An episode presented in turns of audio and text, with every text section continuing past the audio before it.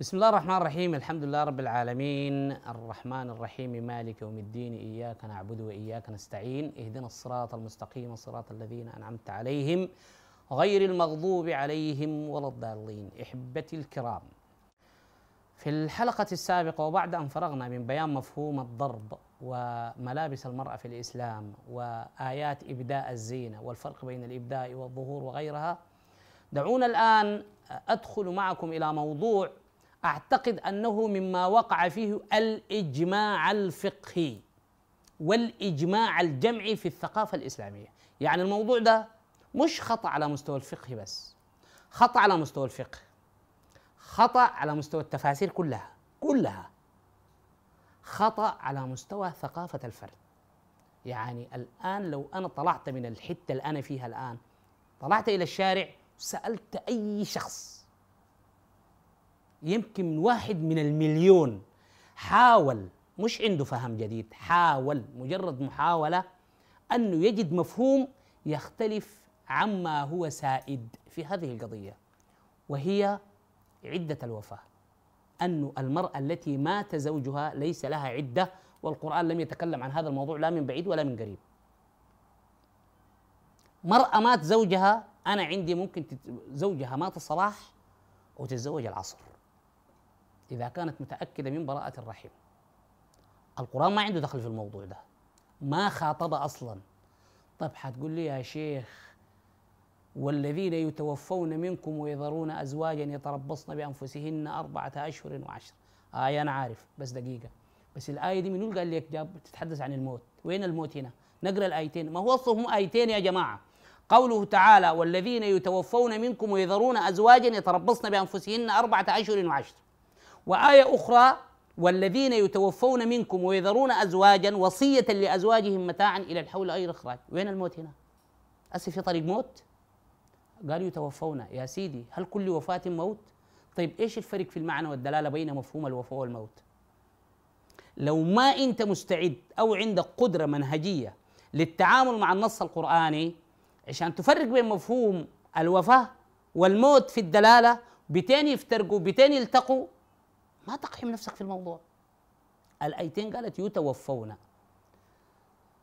طب ممكن واحد شوية كده يكون ذكي ويكون محضر شوية يقول يا أستاذ الوفاء جاءت في القرآن بمعنى الموت.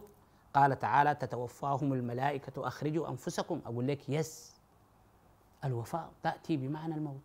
كل موت وفاة. لكن هل أي وفاة في القرآن موت؟ الإجابة لا. هو الذي يتوفاكم بالليل ويعلم ما جرحتم بالنهار.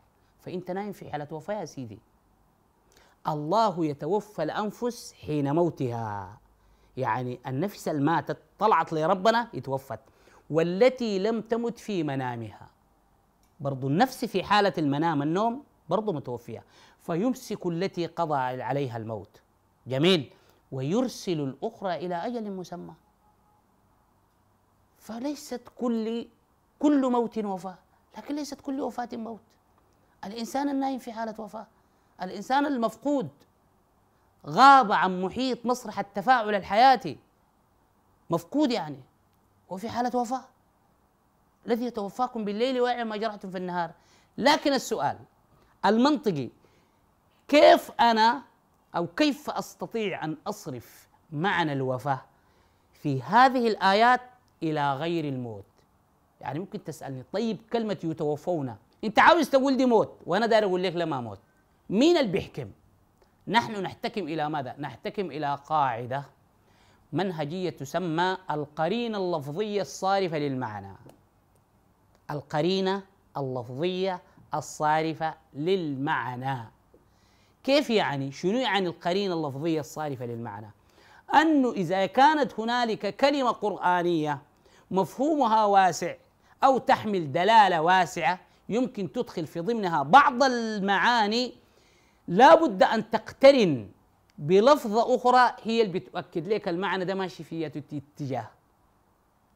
طيب عشان معه يمكن معي مثلا ربنا قال لا تقتلوا الصيد وأنتم حرم. أحل لكم صيد البر وطعامه متاع أحل لكم صيد البحر. وطعامه متاعا لكم وللسيارة. وحرم عليكم صيد البحر ما دمتم حرما. حرم. يلا حرم دي أنا داير أعرف. حرم. هل هي تعني لابسين الإحرام أم مفهوم آخر؟ بنخليها لأنها هي نقطة الخلاف. ونذهب إلى بقية النص القرآني ونتتبع. نتدبر. نستنطق. نستنبط نفكر نعقل نمارس هذه الأدوات لكي نصل إلى أن مفهوم حرم إلى ماذا يذهب؟ لو ذهبنا إلى كتاب الله لا نجد أي ذكر لا من بعيد ولا من قريب لمفهوم ملابس الإحرام. عشان ما تتسيوا لي وده موضوع جايين لكم له. بس زي ما يقولوا أمسكوا الخشب وأربطوا الأحزمة. جاي له في الحلقات الجاية ما في مشكلة أصله. ما في خطاب في القرآن يتحدث عن ملابس الإحرام طيب كلمة حرم دي أنا داير أوديها وين؟ أنا عندي قرينة لفظية واضحة في القرآن ولا لا علاقة لها بملابس الإحرام ما هي؟ إن عدة الشهور عند الله 12 شهرا في كتاب الله يوم خلق السماوات والأرض منها أربعة حرم يعني أربع شهور حرم اسمها الأشهر الحرم إذا عندما نهاني الله سبحانه وتعالى عن صيد البر وأنا حرم. ما بيسمح لك أنك تقول لي معناها لابس ملابس الإحرام. وإنت مفهوم ملابس الإحرام ما عندك لا قرينه في النص القرآني. أنا بقول لك حرم يعني أننا في الأشهر الحرم. موضوع ما عنده علاقة بملابس. هذا الموضوع من المواضيع التي سوف نقتلها بحثا معكم إن شاء الله في محور كبير وضخم في حلقات حوارية اللي هو التقويم. سنتطرق عن هذا الموضوع باستفاضة. ما يهمنا في هذه الحلقة هو القرينه اللفظية الصارفة للمعنى. إذا كلمة يتوفون أنا بقول لك الوفاة هنا ما موت. القرينه اللفظية التي صرفت معنى الوفاة هنا إلى غير الموت هي كلمة يذرون. لو الآية دي قالت الذين يتوفون منكم ويتركون طوالي برفع لك القبعة. أقول لك هذا هو موت. لو الآية من الأساس قالت والذين يموتون برضو بتكون حسمة الأمر. أنا بعد ذلك لا أستطيع أن أعترض ولا أستطيع أن أفترض.